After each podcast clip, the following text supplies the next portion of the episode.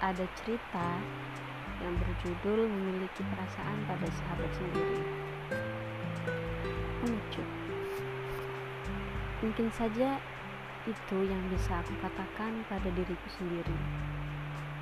Aku masih saja angkuh merawat rahasia ini. Ya, rahasia yang berhasil membuatku menangis bertahan di sampingmu. Hanya karena aku takut kamu akan pergi.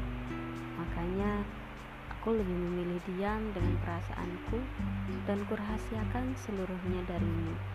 Hingga rasanya aku mau mati bersama rahasia itu.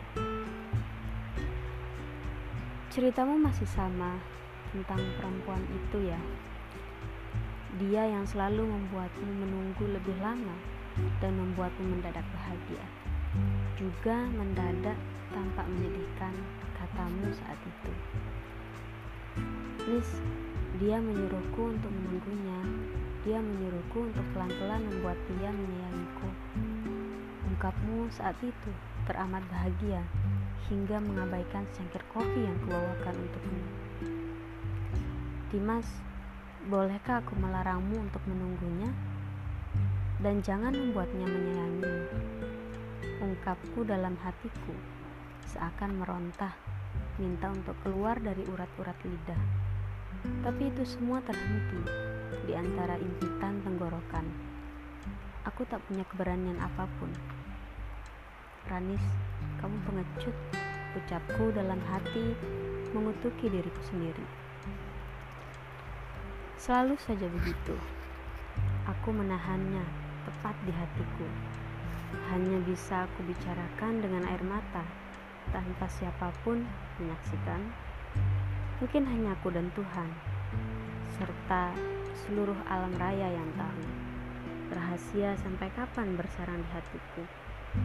Aku ingin Dimas tahu, aku menyayanginya lebih dari sekedar sahabat. Setelah kepergian gadis itu untuk mengejar impiannya, tak ada yang berubah.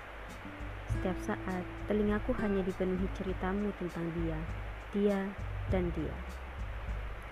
Setiap Dimas bercerita, di dalam hati aku hanya mampu mengutuki diri ini.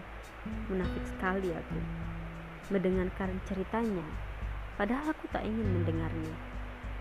Aku memberikan solusi untuk ceritanya, padahal aku tak ingin dia melakukan itu. Rasa sayangku padanya terkalahkan oleh segala rasa takut.